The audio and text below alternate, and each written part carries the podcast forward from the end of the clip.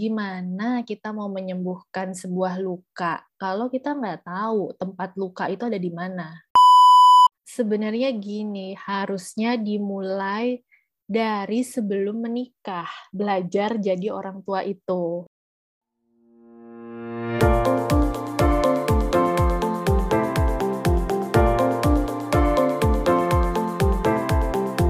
Halo semuanya, selamat datang di SNF Educast, podcast dari jurnalistik SNF FEBUI yang akan mengulik isu-isu terkini seputar pendidikan dan juga anak-anak.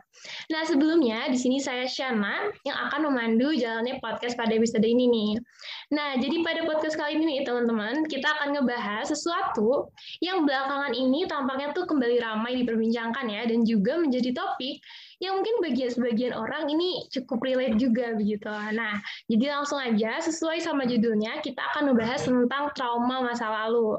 Nah, karena topiknya ini bisa dibilang lumayan berat ya, dan mungkin aku juga nggak mungkin nih kalau ngomong sendirian tentang topik ini. Jadi di sini aku udah kedatangan pembicara yang tentunya keren banget sih. Jadi beliau ini selain sering memberikan penyuluhan dalam bidang kesehatan mental anak dalam webinar-webinar, Beliau juga merupakan seorang psikolog anak dan juga co-founder dari Rainbow Castle, yaitu layanan pemeriksaan tumbuh kembang dan juga kesehatan mental anak remaja berbasis bermain. Wih, keren banget ya teman-teman. Pastinya udah pada nggak sabar banget nih. Jadi langsung aja kita sambut Ibu Devisa nih. Halo, selamat datang Ibu. Halo, Shana. Gimana kabarnya nih Bu di masa pandemi seperti ini ya? Sehat, Alhamdulillah. Shana gimana? Alhamdulillah, kalau gitu saya juga pastinya sehat banget sih Bu. Nah, semoga teman-teman pendengar di sini juga baik-baik aja ya dan tetap jaga kesehatan nih. Oke, sebelumnya terima kasih banyak Ibu Devi udah menyempatkan waktunya ya di sela-sela kesibukan Ibu sebagai pembicara untuk podcast kami. Jadi sebelum kita membahas lebih dalam terkait topik ini, trauma masa kecil dan juga mungkin nantinya kayak dampak-dampak dan juga implikasinya, sebelumnya aku penasaran nih ingin bertanya ke Bu Devi, trauma masa kecil itu sebenarnya apa sih Bu? Dan apakah terdapat kondisi tertentu di mana itu tuh bisa dikategorikan sebagai trauma masa kecilnya itu? Oke. Uh, jadi sebenarnya sih uh, gini ya, trauma itu kan sebuah pengalaman emosional gitu ya, yang merupakan hasil dari uh, atau merupakan respon gitu kali ya, respon dari kejadian-kejadian yang dialami, kemudian dipersepsikan oleh individu itu kejadian ini cukup dalam gitu kan trauma itu kan itu sebenarnya. Nah kalau misalnya trauma masa kecil ya berarti eh, apa eh, kejadian-kejadian yang bukan kejadiannya ya tapi apa pengalaman gitu ya eh, respon yang cukup dalam kita bilangnya kayak gitu terhadap yaitu terhadap kejadian-kejadian yang kita persepsikan uh, cukup ya cukup berdampak di hidup kita. Itu sih sebenarnya. Di kalau trauma masa kecil berarti kejadiannya ya di momen usia di bawah uh, kecil itu kan berarti di bawah 17 tahun ya, kita masih bilang kecil itu. Hmm, jadi emang ini tuh sebagai respon dari masa kecilnya gitu ya, Bu, kalau bisa dibilang. Iya, jadi kayak apa ya respon ya respon emosional kita dalam dalam menghadapi suatu kejadian yang kita persepsikan cukup besar di masa kecil gitu pengalamannya di masa kecil. Kalau trauma masa kecil ya kalau trauma saja ya berarti di usia apa aja. Nah ini tuh mungkin yang jadi uh, di penasaran juga nih bu. Biasanya tuh mm-hmm. kan mungkin banyak ya sebenarnya trauma masa kecil itu. Kalau yang biasa terjadi itu jenis-jenisnya seperti apa sih bu? Uh, jadi kalau mengacu kepada DSM ya ini DSM itu sampai saya bacain tuh DSM ini adalah jadi DSM ini kayak semacam manual diagnostik ya yang digunakan oleh para psikolog, para para psikiater untuk mendiagnosa Eh, teman-teman kita yang ada apa uh, kesehatan mentalnya mungkin uh, kurang optimal gitu ya. Nah, disingkatnya DSM nih, diagnostik diagnostik uh, statistik manual gitu kan kita bilangnya. Nah, kalau psikiater itu mau me, me, mau memberi diagnosa ya kita mengacunya atau psikolog mau mendiagnosa mengacunya ya di DSM ini. Nah, kalau menurut DSM jenis traumanya itu ada apa aja gitu kan. DSM ini kalau boleh aku bacain ya jenis traumanya ada post eh, post traumatic stress disorder ya. Jadi suka disingkat PTSD gitu. Habis itu nah si post traumatic stress disorder ini juga uh, ya suka kita bilangnya PTSD ini ya yang kita singkat gitu. Terus suka kita bilang trauma trauma trauma. Nah, yang suka dibilang trauma trauma itu gitu. Padahal ada nama panjangnya si PTSD post traumatic stress disorder. Nah, si PTSD ini Shana itu ada ada tingkatannya lagi nih ya. Ada yang akut ya atau ada yang kita bilangnya uh, delay, delay onset gitu ya kita bilangnya. Maksudnya apa tuh delay onset? Jadi belum belum kejadiannya udah terjadi yang traumatis, tapi uh, respon traumatisnya belum muncul kayak gitu. Itu. Jadi kalau kita suka bilang trauma, trauma, trauma sebenarnya ya mungkin yang dimaksud adalah PTSD ini ya. Hmm, oke okay, oke okay, Bu. Jadi itu tuh ini ya ada tadi menarik ya delay onset jadi udah udah terjadi tapi responnya itu belum muncul itu maksudnya gimana tuh bu? Kadang bisa juga sih kayak gitu misalnya gini eh, kejadiannya contoh aja ya terakhir tuh apa sih mungkin gempa ya gempa atau tsunami misalnya udah kejadiannya tuh sekarang nih misalnya Terus selama besoknya tuh dia cukup bisa e, berfungsi dengan baik, bahkan membantu pengungsi yang lain. E, bukan hanya membantu pengungsi yang lain, mungkin dia dia juga menjadi satgas dari pengungsian itu gitu ya. Tapi enam bulan kemudian barulah muncul tuh si gejala-gejala traumatisnya, kayak misalnya oh, kok tiba-tiba susah tidur atau mungkin sering memimpikan lagi tentang tsunami itu atau mungkin sering merasa mengalami jadi badannya itu seakan-akan kayak ya kaget sendiri gitu ya itu ya kayak gitu. Padahal waktu baru kejadian dia oke okay banget tuh gitu ya nggak ada masalah malah berfungsinya bagus sekali. Nah itu sih yang kita bilang uh, ya tertunda ya si munculnya simptom PTSD PTSD itu tertunda gitu. Bisa juga kayak gitu. Oh jadi bisa delay gitu ya bu? Ini bisa. responnya gitu. Oh oke okay, oke. Okay. kalau misalnya secara besarnya ya bu secara garis besar itu faktor-faktornya biasanya apa aja sih bu yang menjadi penyebab utama dari munculnya trauma masa kecil ini gitu? Apalagi mungkin di Indonesia sendiri ya jadi gini, memang eh, trauma masa kecil ini, tadi kan saya bilang ya, salah satu contohnya eh, jenisnya itu si PTSD itu kan. Nah, PTSD itu kan ada jenisnya lagi, yaitu ya bisa jadi akut, bisa jadi bisa jadi juga eh, apa delay gitu ya onsetnya. Nah, tapi sebenarnya gini, um, uh, Shana ada satu lagi gitu ya, ada satu lagi ya uh, sebelum kita membicarakan tentang ini ya penyebabnya ya, ada satu lagi ya itu namanya developmental trauma gitu. Nah, tapi gini developmental trauma itu belum masuk ke dalam diagnostik manual gitu ya, belum belum masuk ke dalam kitabnya si psikiater dan psikolog ini gitulah ya istilahnya tuh. Jadi belum masuk sehingga tuh kita agak susah tuh mendiagnosa, memberi nama diagnosa itu ya karena belum masuk di DSM itu kan daftar diagnos diagnosa diagnosa di seluruh dunia ini belum masuk ke situ cuman gejala-gejalanya itu ya sering kali kita temui. Nah, si developmental trauma ini apa sih? Gitu kan ya pertanyaannya.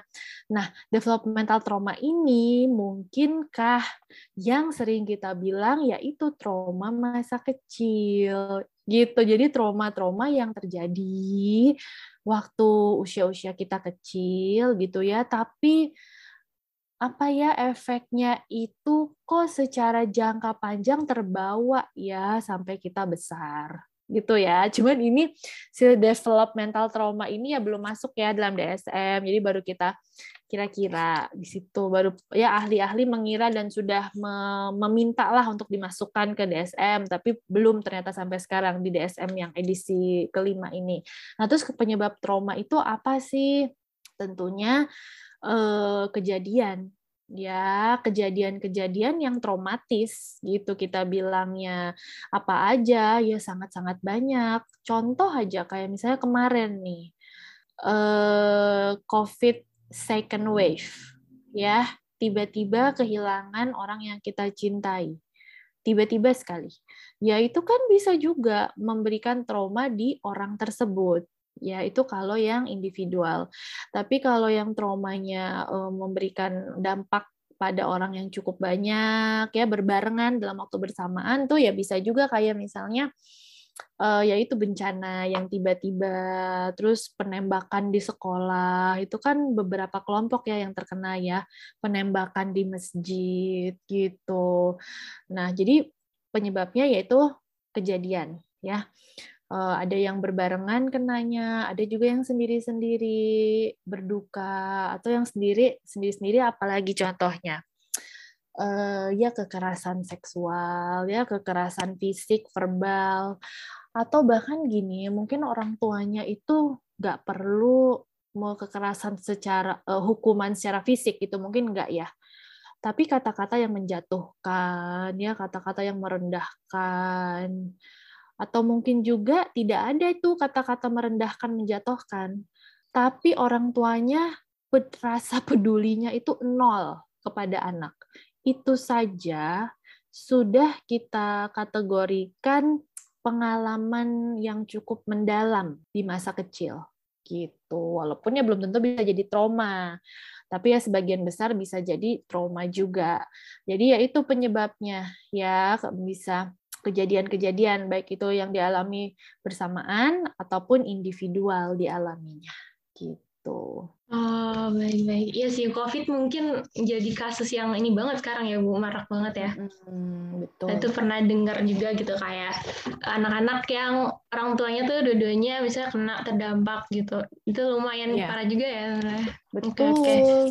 Nah, itu tadi saya menarik, tertarik juga sih Bu dengan tadi ada developmental trauma. Jadi itu ini kayak kekumpul gitu ya Bu. Jadi uh, ibaratnya dari masa lalu masa lalunya itu terkumpul responnya nyampe sekarang gitu baru kerasa efeknya gitu. Betul. Oh, oke okay, oke. Okay. Nah, menurut Ibu sendiri mungkin tadi kan udah ada faktor-faktor banyak ya faktor-faktornya.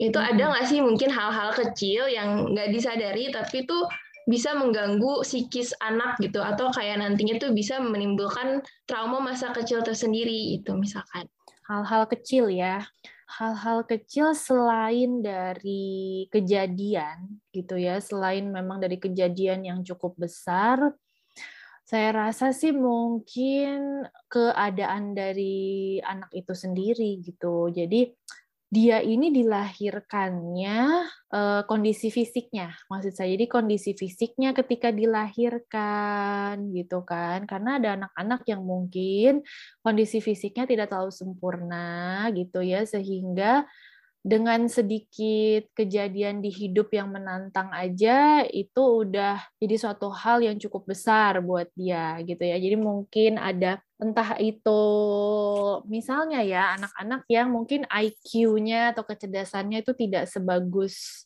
tidak rata-rata gitu ya di bawah rata-rata. Nah, itu kan dia juga pasti memahami kejadian itu, memahami kejadian besar dalam hidupnya yang nggak bisa nggak bisa sejauh apa ya, tidak bisa tidak bisa terlalu dalam gitu memahaminya. Ya itu bisa jadi bagus, bisa jadi bisa jadi enggak juga gitu ya.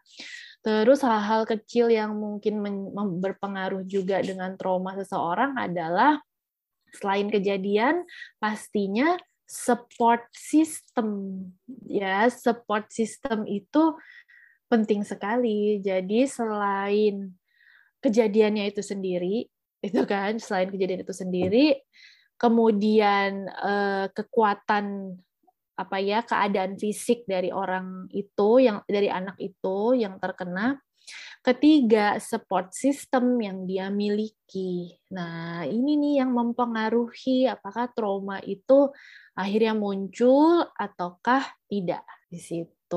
Support system tuh maksudnya seperti apa tuh Bu? Misalkan mungkin dari hmm.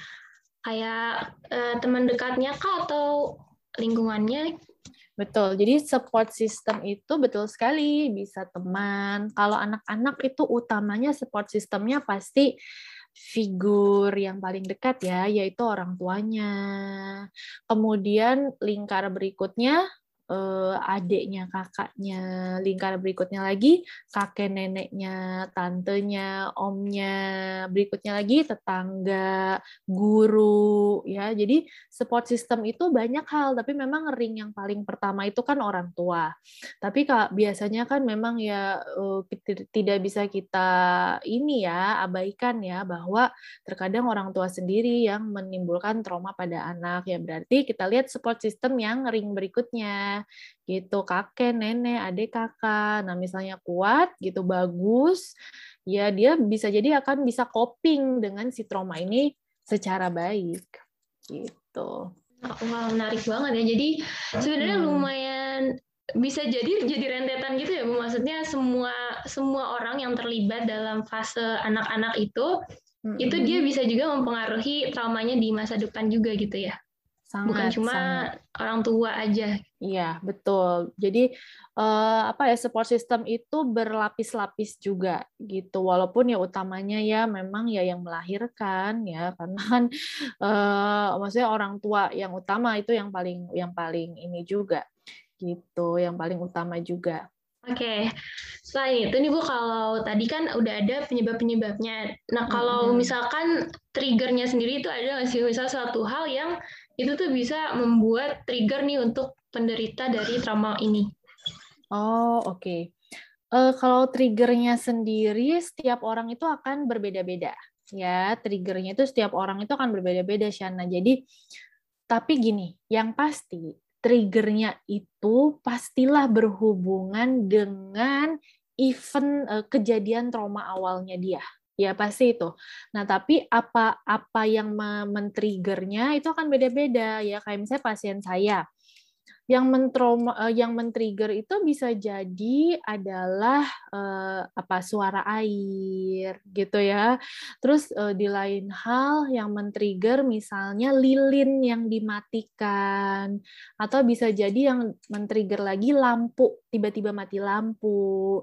Jadi benar-benar setiap orang ini itu sangat beda-beda triggernya itu apa. Tapi yang pasti uh, si trigger ini itu terasosiasi atau terhubung dengan kejadian uh, utama traumanya dia itu gitu. Apa pun itu. Bisa juga ya nggak mesti dalam bentuk barang loh si trigger ini. Kadang bisa juga dalam bentuk parfum. Itu bisa banget. Kayak misalnya kita juga sering ya kayak gini nih. Misalnya aduh bau apa nih? Jadi inget rumah nih kalau nyium bau kayak gini gitu ya. Nah itu kayak gitu sama ya. Jadi nggak mesti nggak eh, apa tidak pernah ada bentuk yang nggak ada bentuk yang kita bisa bilang sama semuanya. Tapi yang bisa kita bilang sama adalah ketika eh, yang men-trigger itu bisa jadi benda aktivitas suasana yang berkaitan dengan kejadian traumatisnya gitu. Kayak contohnya ini ya. Contohnya bunyi air tadi. Nah, itu misalnya pasien saya ke, ketika ada bunyi air itu dia langsung e, badannya itu kelihatan ya jadi lebih kaget ya lebih jidi gitu kita bilang ya lebih apa ya lebih kayak ya takut gitu ya lebih tegang gitu kita bilangnya. Kenapa? Karena si bunyi air ini mengingatkan dia dengan yang besar. Jadi kayak eh, bisa juga yang kecil bisa juga yang besar ya. Contoh yang besar itu apa? Misalnya nih kita udah jadian gitu ya sama seseorang nih udah jadian gitu kan. Tiba-tiba eh, misalnya orang itu tuh kayak eh, nggak mau memenuhi uh, misalnya kita tolongin dong oh yang ini aku gini gini gini. Misalnya tolong apa ya tolong tolong jemput misalnya kayak gitu kan tolong jemput. Nah sebelum sebelum itu dia selalu ngejemput kita nih tapi suatu hari dia nggak bisa ngejemput kita gitu kan. Karena kejadian karena apalah gitu misalnya nggak jadi nggak bisa jemput kita gitu kan. Nah Uh, terus muncul dia tuh dalam diri kita, misalnya kecurigaan-kecurigaan. Tuh kan kamu nggak mau jemput aku gara-gara misalnya ya emang aku nggak pantas jadi pacar kamu atau misalnya karena aku terlalu jelek ya kan atau atau kecurigaan-kecurigaan yang lain. Nah ini tuh ini itu ya ini itu bisa jadi juga respon trauma loh kayak gini tanpa kita sadari mungkin waktu kita kecil dulu kita itu nggak sepercaya itu gitu sama orang tua kita. Maksudnya mungkin kita nggak sepercaya, nggak bisa percaya sama figur yang mendampingi kita waktu kecil, sehingga waktu kita menjalin hubungan cinta nih pas gede sama seseorang, eh, penolakan, rejection yang sedikit aja, rejection yang ringan aja itu udah men-trigger emosi yang dalam dalam diri kita gitu. Sehingga kita apa jadi responnya tuh jadi agak berlebihan terhadap rejection yang ya ya yang cuman rejection gak bisa jemput kayak gitu. Karena ya itu karena itu mungkin men-trigger sesuatu dari masa kecil kita. Gitu. Kayak trust issues gitu ya tadi ya bu. Iya betul. Maksudnya trust issue itu kan sebenarnya nggak selamanya trauma ya trust issue itu. Tapi ya kalau misalnya kita harus lihat lagi apakah waktu kecil tuh sejauh mana kejadian-kejadian yang dialami dan seberapa sering berulangnya gitu kan. Nah, ya kalau misalnya memang berulangnya sering, kejadiannya cukup dalam, ya mungkin itu salah satu respon trauma yang tidak kamu sadari karena respon trauma itu kan tidak selamanya harus ketakutan, mojok di pinggir kamar gitu. Nggak harus selalu kayak gitu. Itu juga bisa muncul dalam ketika kita menjalin percintaan gitu ya. Kayak misalnya sulit uh, sulit berkomitmen ya. Sulit membangun rasa percaya. Ada yang PDKT kita malah membangun dinding yang tinggi ya kan? Uh, itu juga ya bisa jadi walaupun tidak selalu kita namakan respon trauma. Wah, ini berkaitan juga nih Bu sama tadi ya. Itu biasanya apakah ada gejala atau kayak karakter yang itu tuh muncul karena traumanya itu gitu Bu? Oke, karakter yang muncul karena traumanya itu. Mungkin kalau kita bilang karakter sih bukan ya, tapi lebih kepada ya respon. Respon yang dia tidak sadari gitu ya. Ternyata itu munculnya uh, oh dari trauma nih waktu kecil gitu karena gini kadang kita tuh kan lupa ya. Lupa atau mencoba melupakan masa kecil kita yang kurang enak gitu kan. Sehingga ketika kita umurnya udah 20, 18 berapa lah uh, ya kita akhirnya benar-benar ya udah lupa gitu ya atau melupakan. Tapi uh, uniknya walaupun pikiran kita bisa lupa gitu ya tentang kejadiannya tapi kita itu nggak pernah bisa lupa rasanya gitu. Jadi jadi ya sama kayak perkataan gini ya kita mungkin akan lupa apa yang orang itu omongin ke kita gitu. Tapi kita nggak akan pernah lupa gimana orang itu membuat kita merasa gitu kita apa kita kalau ketemu orang itu langsung ngumpet aja kan. Berarti tiap kita ngeliat dia itu mau kehadiran dia membuat kita merasa takut gitu ya. Tapi ada orang-orang yang kehadirannya tuh jadi ya kita netral aja gitu seneng gitu ketemu dia biasa aja. Ya artinya ya dia nggak membuat kita takut gitu kan. Nah karakter apa sebenarnya yang yang bisa yang bisa membuat seseorang ini ya trauma gitu kan. Ya. Ketika ketika sudah mengalami trauma ya ada yang eh, langsung dia rasain gitu ya. Apalagi kalau trauma-traumanya itu misalnya bencana alam, ya tiba-tiba kehilangan hal-hal yang besar gitu terjadi dalam satu waktu. Kalau yang uh, yang yang yang ini gitu itu macam-macam bisa kayak uh, bukan karakter ya tapi ini lebih ke respon sih lebih kata-kata yang tepat ya daripada karakter. Responnya tuh macam-macam kayak kebingungan lah, kecapean berlebihan padahal nggak ngapa-ngapain gitu. Cuman ya badannya capek aja gitu ya kecemasan berlebihan, gampang kesel, macam-macam. Ada juga malah yang diem aja, nam, ya, nam itu istilahnya kayak diem aja. Terus juga ada juga yang ya itu tadi kebingungan, terus juga badannya itu apa ya, kayak mudah mudah kaget, mudah uh, mudah menegang, kita bilangnya kayak gitu. Ya bahkan ada juga yang karena trauma, hmm, apa ya, jadi kepribadiannya itu jadi berubah gitu kita bilang ya. Jadi uh, ya mau kita bilang kepribadiannya jadi ada beberapa ya bisa juga, tapi itu sangat jarang sekali walaupun memang ada dan sering ditemukan, uh, nggak sering sih ditemukan gitu ya kita bilangnya. Itu itu kalau yang uh, apa respon ketika itu juga gitu ya biasanya. Tapi kalau bagaimana dengan trauma yang misalnya waktu kecil nih kita ngalaminnya gitu ya, traumanya waktu kecil uh, ya mungkin di waktu kecil itu uh, karakter uh, apa si respon anak itu jadi bisa macam-macam nilainya jadi rendah udah gitu. Dianya juga jadi terlalu aktif bisa juga dianya juga jadi suka pemarah atau dianya malah jadi menarik diri. Nah, kalau si traumanya ini waktu kecil, udah gitu berulang, berulang waktu dia SD masih masih ada kejadian trauma itu, SMP juga masih ada kejadian trauma itu, SMA juga masih ada kejadian trauma itu, begitu. Kuliah barulah berhenti misalnya.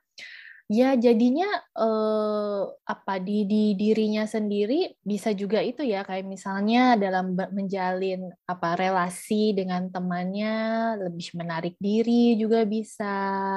Atau juga bisa juga dalam pertemanan tuh justru kelihatannya nggak ada apa-apa nih biasa aja gitu ya. Cuman begitu dalam percintaannya wah posesif lah. Kemudian apalagi Hmm, di balik uh, lawannya posesif itu biasanya apa ya ya itu berganti-ganti pasangan yang terlalu sering misalnya kayak gitu ya. Jadi playboy or playgirl misalnya kayak gitu itu kan bisa juga.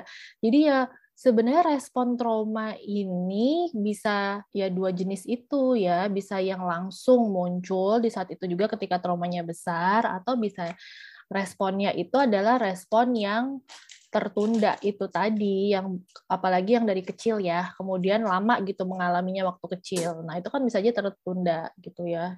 Kayak gitu. Jadi ada long termnya lah si karakter ini munculnya atau responnya ini ada jangka panjangnya juga Uh, iya itu kan tadi ada juga ya yang kayak bisa langsung terus bisa juga delay. Ini sebenarnya banyak banget ya karakternya yang mungkin muncul. Itu sebenarnya bisa apakah bisa diatasi gitu dan gimana sih caranya terbaiknya buat mereka tuh yang korban-korban apalagi ya bisa benar-benar pulih gitu apakah bisa mungkin oke okay. jawabannya sangat-sangat bisa gitu. Jawabannya sangat-sangat bisa. Karena gini walaupun banyak buku yang menjelaskan ya gimana efek jeleknya trauma gimana trauma itu nggak bagus tapi ternyata si trauma ini ketika support sistemnya bagus orang ini tuh akan menjadi orang yang ya jadi lebih baik gitu kita bilangnya. Jadi bisa bangkit kembali dari trauma itu gitu. Jadi kalau ditanya kemudian bagaimana sih caranya, ya tentunya caranya itu sangat banyak sekali. Ya, banyak sekali caranya. Ka, tapi yang pasti kalau sudah masuk trauma itu harus dengan uh, bantuan ahli ya. Untuk awalnya dulu nih harus dengan bantuan ahli dulu yaitu psikiater atau tentunya psikolog dewasa itu sih. Nanti di situ harus kita lihat lagi sih Shana misalnya tergantung pada masalahnya ya dan kejadian yang dialami sama orang ini karena setiap orang itu pasti perjalanan uh, apa ya mental health journey-nya bersama psikolog bersama psikiater tuh pasti beda-beda nggak bisa kita samain kurang lebih sih kayak gitu ya Oh, oke okay, oke. Okay. Jadi emang paling bagus tuh emang ke psikiater, psikolog gitu ya, buat bisa di lebih diidentifikasi permasalahannya itu dari mana traumanya. Betul, ah, betul. Oke, okay, mungkin kalau tadi kan sempat disinggung juga ya support system gitu. Mungkin kalau yang cara terbaik nih mungkin sebelum dia kayak ke psikiater gitu, apa yang mungkin dia bisa lakuin di rumah gitu, cara terbaiknya? Oke. Okay. Uh, eh, pertama kali yang bisa dia lakuin di rumah, terutama kalau traumanya itu masa kecil ya misalnya traumanya ini masa kecil, berarti kan dia mungkin udah gede ya sekarang gitu kan. Traumanya itu di masa kecil, sekarang dia udah gede gitu kan. Dia bisa aja dan besar kemungkinan dia lupa gitu sama kejadiannya apa. Tapi kita itu nggak pernah bisa lupa rasanya gitu kan kita nggak pernah bisa lupa rasanya tapi mungkin kejadiannya kita ya nggak inget lah misalnya kejadian dipukulnya gitu nggak inget tapi tuh kita selalu inget rasanya tuh kok kayaknya saya tuh kayak selalu misalnya ya misalnya mau mengajukan pendapat tuh di kelas takut salah mulu gitu kan ya gitu takut salah mulunya juga berlebihan banget gitu sampai kayak yang udah mendingan gak usah berpendapat misalnya. Nah itu kalau misalnya masih kayak gitu gitu ya tahapannya ya kita pertama kita harus mengenali dulu, mengenali diri kita dan uh, lebih ini kali ya mencatat mencatat dengan mental kita kejadian-kejadian apa yang akhirnya tuh membuat aku kok mudah ke trigger gitu. Ke triggernya bisa macam-macam ya, entah itu jadi lebih sedih, entah itu jadi lebih marah gitu ya. Tapi coba deh, di luar PMS tentunya, di luar PMS kejadian apa yang suka bikin aku tuh kok ke triggernya cepet banget, padahal di orang lain tuh biasa aja, gitu ya. Itu dulu deh, mulai dari situ dulu karena prinsipnya sih gini nih Shana, gimana kita mau menyembuhkan sebuah luka kalau kita nggak tahu tempat luka itu ada di mana, gitu kan? Intinya sih kayak gitu. Nah, sekarang kalau kitanya aja masih denial, oh, nggak apa-apa kok, nggak ada apa-apa, nggak ada masalah, gitu ya. Kita nggak pernah mau tuh lebih dalam menanya ke diri kita, kenapa ya tadi gue ke trigger banget ya tentang ini ya, padahal kayak yang lain biasa aja gitu. Nah itu tuh kalau kita nggak pernah mau nanya kayak gitu ya susah, kita nggak akan bisa mendeteksi awal di mana itu letak lukanya, gitu. Jadi ya langkah awal itu selalu dengan menyadari dulu apa yang bikin aku ke trigger seringnya gitu. Kedua, bertanya, normal atau enggak ketika aku ke trigger di area ini gitu, ya. Atau uh, uh, normal atau enggak ketika aku kok perilakunya kayak gini, sementara yang lain kayak gitu. Itu mulai dari bertanya ke diri sendiri dulu itu. Karena dengan kita mau ya bertanya ke diri kita sendiri, itu itu aja tuh udah langkah awal loh menuju healing gitu. Kayak semacam recall lagi gitu ya memori-memorinya. Ah ya ya ya. Nah, terus kalau misalkan nih dia yang kayak tadi tuh, misalnya dia sifatnya ini denial, jadi dia nggak nggak pernah tahu nih kenapa dia tuh ke trigger sebenarnya karena kan suatu kejadian dan lain-lainnya itu menurut ibu dari luka ini trauma masa lalu ini itu kalau misalnya dibiarin aja itu efeknya gimana sih bu? Apakah akan berdampak?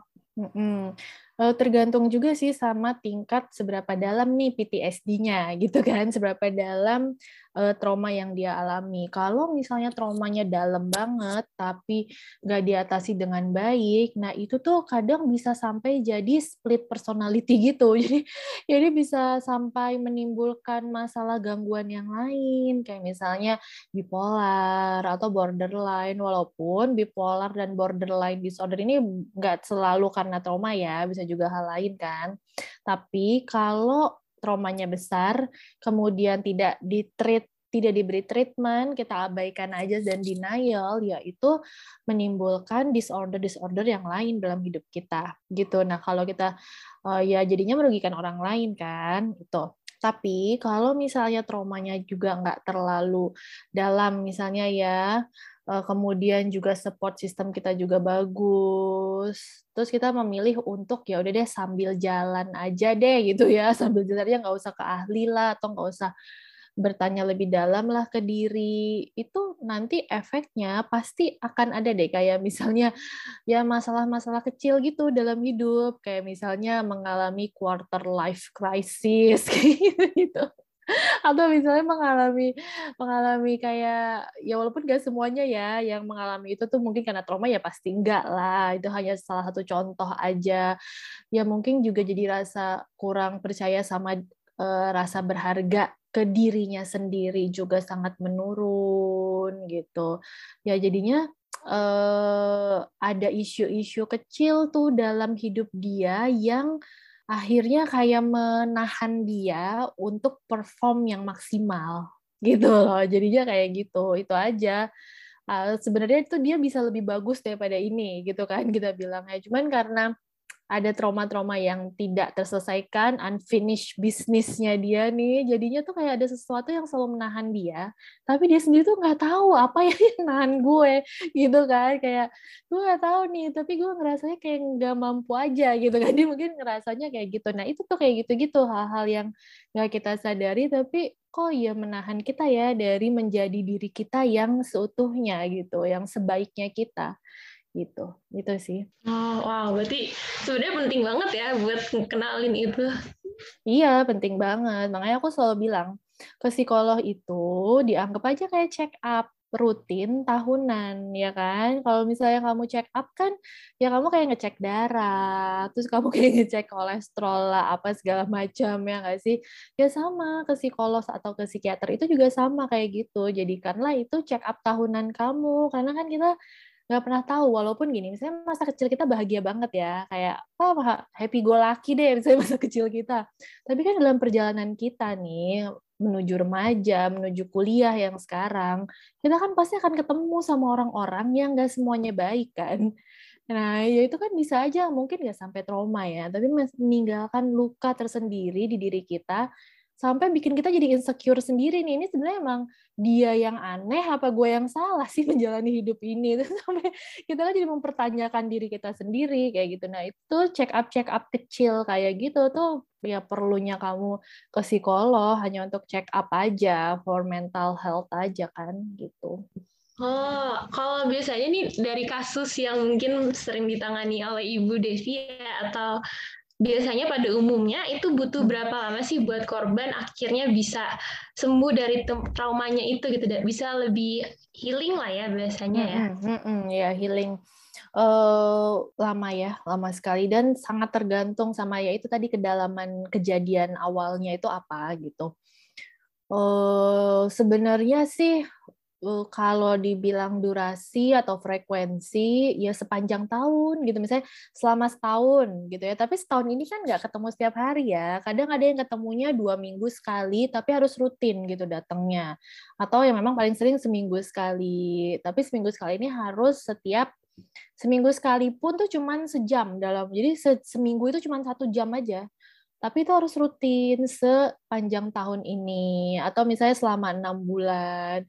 Eh, beda-beda sih tiap orang kayak gimana karena eh, ini juga ya kita lihat juga masalahnya apa sama si karakteristik orang itu ya dia bawaannya itu kayak gimana? Apakah apakah memang dari dianya uh, apa memang kan ada ya kepribadiannya beda-beda gitu kan orang-orang. Maksudnya semua nggak bisa kita selalu kategorikan gitu ya kamu kepribadiannya A kepribadiannya B nggak bisa kayak gitu. Karena nggak pernah ada yang sama tuh satu individu dengan satu individu yang lain. Selalu aja ada yang unik gitu nggak bisa aku samain jadi memang kalau traumatik itu lama sekali ya bertahun-tahun gitu. Cuman memang dianggapnya jadi kayak ya pergi kursus aja seminggu sejam. Jadi anggapnya kayak gitu kayak pergi kursus aja gitu. Beda-beda sih. Awal kayak semakin rutin itu bisa semakin cepat sembuh gitu atau enggak juga sih sebenarnya? Enggak enggak juga. Jadi uh, justru gini justru kadang gini kita tuh selalu mengajak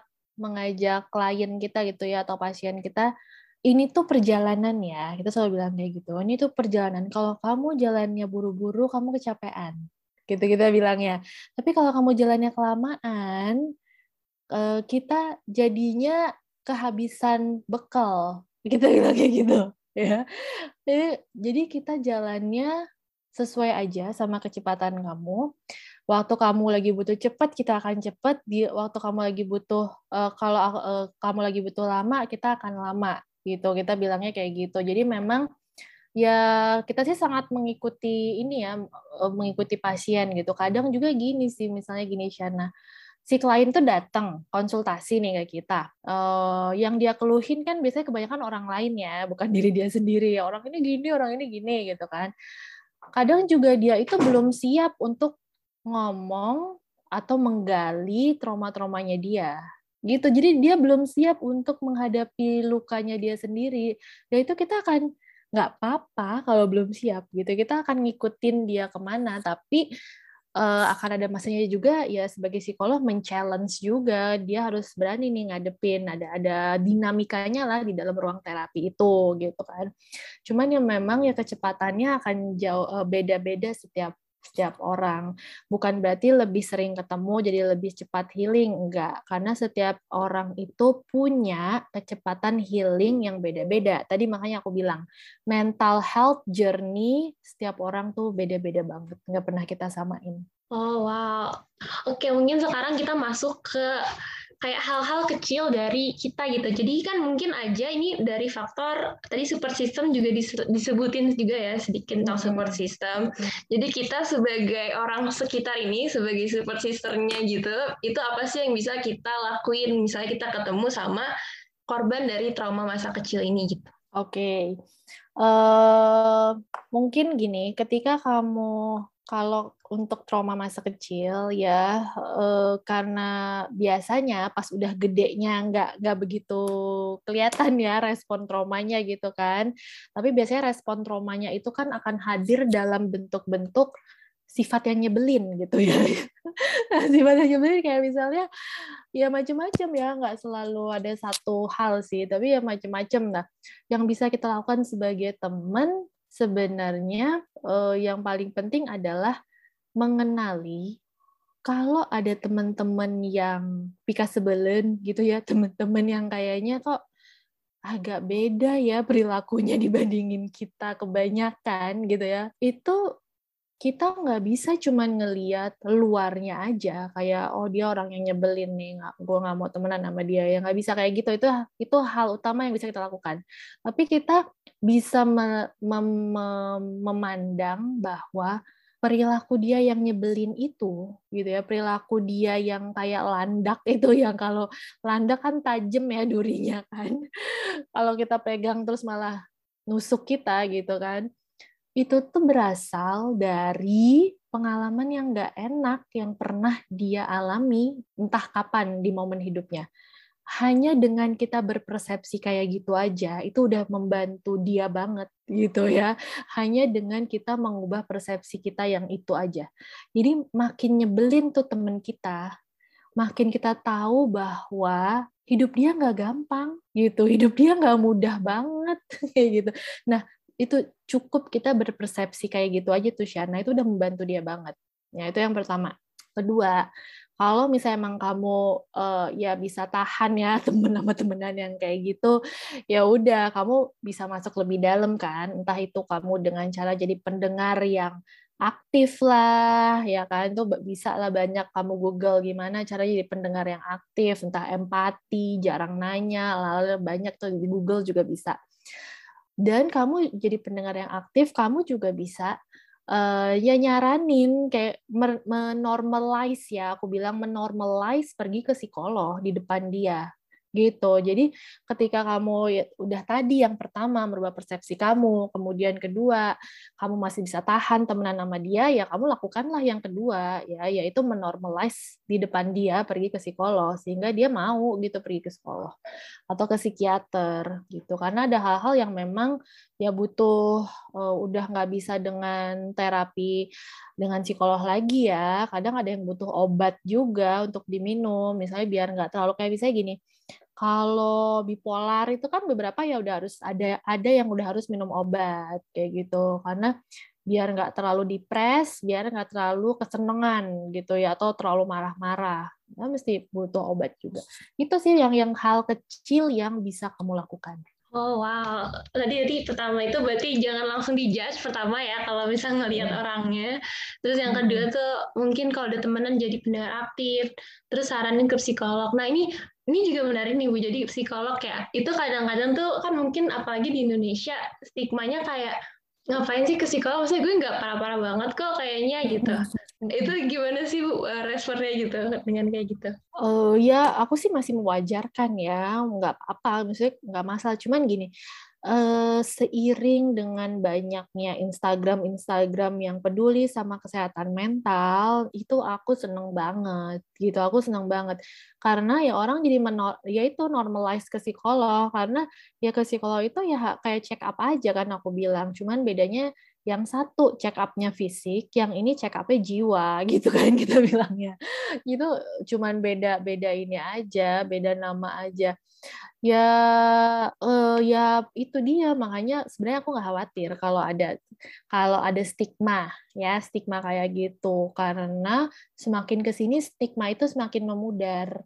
Itu sih. Jadi aku nah sekarang fakta gini gini. Fakta bahwa dari ekonomi mengundang aku itu kan sebenarnya sebuah menurut aku suatu hal yang bagus banget gitu. Kalau dulu aku tuh cuma diundang ya sama fakultas psikologi lagi fakultas psikologi lagi. Kalau sekarang udah mulai macam-macam banget. Mulai dari fakultas pendidikan yang undang fakultas ekonomi kayak gini. Jadi aku seneng lah gak masalah karena hmm, ya itu stigma itu lama-lama akan pudar kok aku yakin banget karena makin banyak yang peduli sama kesehatan mental mereka Hmm, iya, jadi itu gitu ya teman-teman. Jadi nggak sebenarnya psikolog tuh bukan berarti kayak hal yang buruk gitu ya. Itu bahkan wajar banget sebenarnya buat kita check up fisikal dan mentally juga nih ya. Nah, yes. terus selanjutnya kalau sebagai orang tua nih, ini kan penting banget ya. Jadi support system pertama buat anak gitu itu gimana sih biar mereka tuh bisa mencegah anak ini muncul trauma gitu ke depannya? Oke, okay. uh, eh, tentunya sebenarnya gini, harusnya dimulai dari sebelum menikah belajar jadi orang tua itu ya jadi nah ini Shana dan temen-temen nih harusnya uh, jadi kayak apa ya mungkin ya kita bilang premarital counseling gitu kan cuman premarital counseling itu kan ya untuk persiapan hubungan suami istri kan mesti kayak gimana gitu biar biar menyeimbangkan uh, apa uh, komunikasinya. Nah kalau ini tuh harus ada kayak misalnya apa pre-parenting counseling mungkin ya namanya aku juga nggak tahu. Tapi tapi kalau aku sih berpikirnya itu akan sangat-sangat membantu banyak loh kalau anak-anak ini uh, membantu banyak anak-anak ini ketika sebelum anak-anak ini dilahirkan orang tuanya tuh udah seenggaknya nggak mesti tahu dengan sempurna deh. Tahu basicnya aja tuh udah membantu banget gitu. Mem membantu menjaga kesehatan mental si anak ini ya sejak dari awal. Karena kan kesehatan mental itu awalnya sejak di dalam kandungan, bukan dari lahir gitu, bukan dari umur berapa umur berapa justru dari sejak kandungan. Kalau kandungannya misalnya nanti ya one day kalian nikah, habis itu kalian kan akan hamil dan punya anak kan. Gimana kalian bisa jaga kehamilan biar bagus, biar biar janinnya itu oke. Okay. Karena kalau jadinya janinnya juga nggak oke okay, kan ngaruh juga ke kesehatan mental si calon bayi ini gitu. Makanya ya itu penting buat aku. Pre eh, sebelum jadi orang tua harus belajar dulu ya. Jadi justru sebelum nikah deket-deket mau nikah itu harus belajar parenting dulu deh seenggaknya. Itulah yang bisa mencegah dari awal banget ya dari awal banget. Kalau misalnya udah udah nikah ya tetap bisa ya mencegah trauma. Misalnya apa? Uh, selalu mau belajar tentang pengasuhan gitu. Kemudian menghilangkan kata-kata perfeksionisme, menjadi orang tua yang sempurna itu nggak ada lah menurut aku. Seenggaknya kita udah good enough aja, itu udah cukup kok buat anak kita. Justru kalau kita mau perfeksionis, malah jadinya nggak bagus ya efeknya buat anak kita itu sih yang utama. Jadi harus apa never stop learning ya. Never apa never ending gitulah ya. Learning journey-nya tuh harus terus kalau jadi orang tua. Itu yang paling ringan yang bisa dilakukan kalau menurut aku. Hmm ya, ya. bisa dimulai nih buat yang belum menikah ya bu ya. Hmm. bisa dimulai small step ya belajar belajar dikit-dikit Oke, okay. yeah. ini mungkin terakhir nih Bu ya, karena waktunya juga. Jadi okay, mungkin okay. bisa nih Bu kasih kayak kalimat penyemangat mungkin untuk korban-korban dari trauma masa kecil ini yang sekarang mungkin lagi dengerin podcastnya nih gitu. Oke, okay. wow.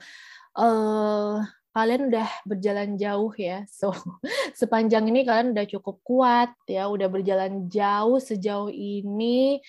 Good for you. Uh, tetap terusin uh, tetap terusin healing journey-nya ya. Jangan malu untuk memulai healing journey. Jangan pernah denial kejadian traumatis itu. Itu tidak memalukan ya. Itu adalah bagian dari kalian tumbuh.